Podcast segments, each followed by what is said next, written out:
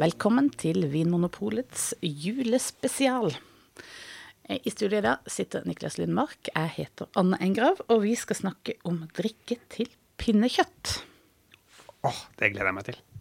Ja, det er godt. Ja. Hva smaker det? Eh, Min kone sier det smaker ull. det er ikke sant.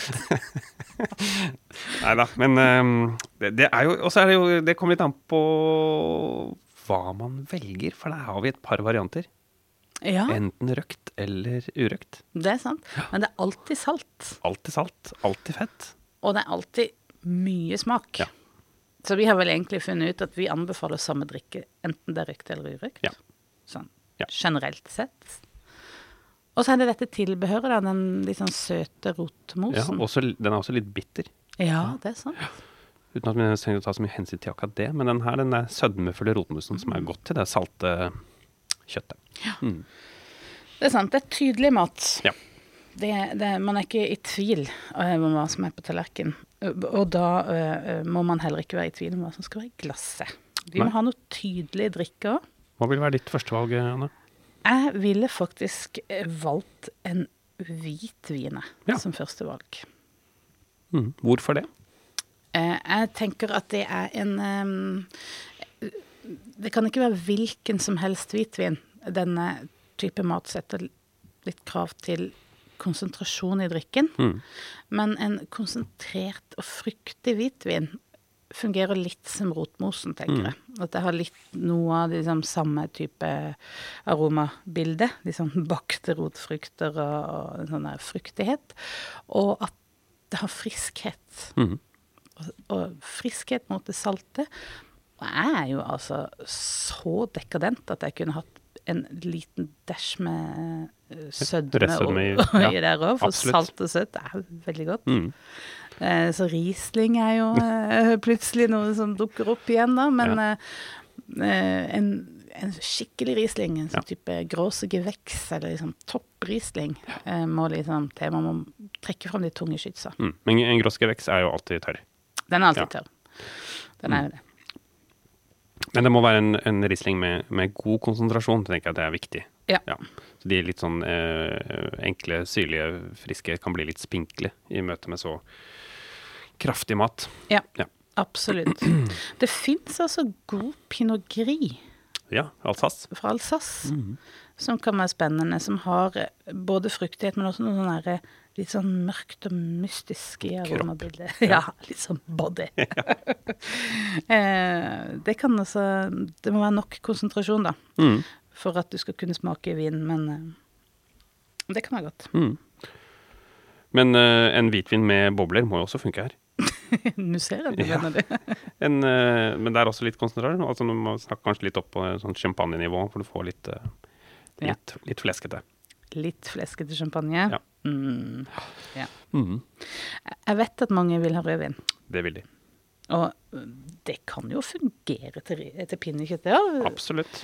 Jeg, jeg, jeg tviler litt, liksom, men, eh, men allikevel eh, Det er jo egentlig ikke noe grunn til det. Det er jo lammekjøtt.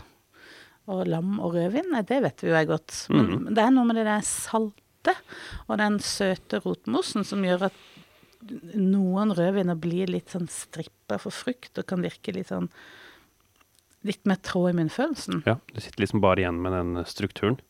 Ja. Ja. Så derfor så kan en kanskje uh, velge rødvin med litt omhu. ja. Noe med litt sånn moden, sødmefull fruktighet.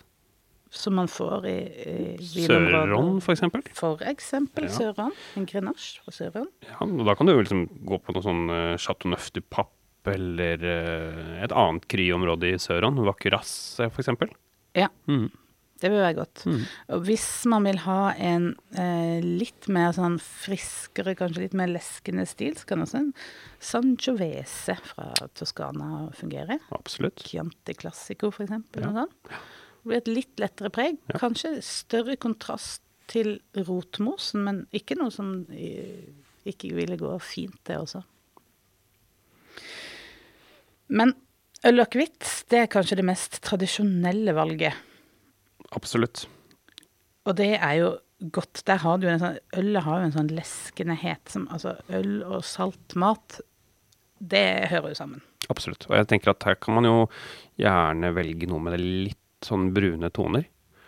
Eh, type et bokkel, eh, brown ale, eh, juleøl.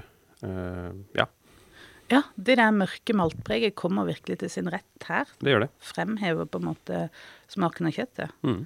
Vi har også hatt en veldig god eh, opplevelse med sånn rødt flamsk øl. Ja. Det er på en måte nesten sånn sur, søtt øl. Eh, det er veldig godt. Det, det, det blir en sånn eh, livlighet. Du har både de der mørke, sånn eh, maltepreget, men samtidig det syrlige eh, og litt søtt. Det er en Det hørtes spennende ut. spennende valg. Og akevitt eh, må man eh, tenke nøye gjennom hvilken akevitt man velger, syns du? Nei, jeg ville nok kanskje valgt en som en har et litt sånn tydelig fatpreg, da.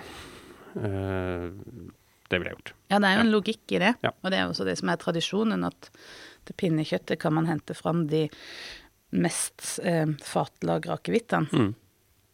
Når det er sagt, har du én akevitt, så, så må du ikke nødvendigvis kjøpe en ny fordi at det, det krasjer eller går noe helt galt. Jeg tenker at en sånn juleakevitt også kan man ha ja, gjennom hele jula. Absolutt. Det er, hvis man skal da igjen da, er ute etter denne sjokkeffekten og overraskelsen, så, ja. så eh, går det jo an å prøve andre typer brennevin, eller prøve brennevin med noe litt sånn røykpreg, spesielt hvis du har veldig røykt eh, pinnekjøtt og Ja. ønsker å fremheve det. Ja. Eller å liksom ta igjen det i, i akevitten eller i, i, i brennevinet. Ja. En whisky. Whisky, ja. Røkt whisky. Ja, Spennende. uvant. Men eh, jeg tenker at det som jeg har hatt aller best erfaring med når det gjelder pinnekjøtt, Ja, si det. det er oransjevin. Ja. En tydelig oransjevin. For det kan jo variere fra helt fra det nesten som hvitvin til noe som snerper som en tydelig rødvin.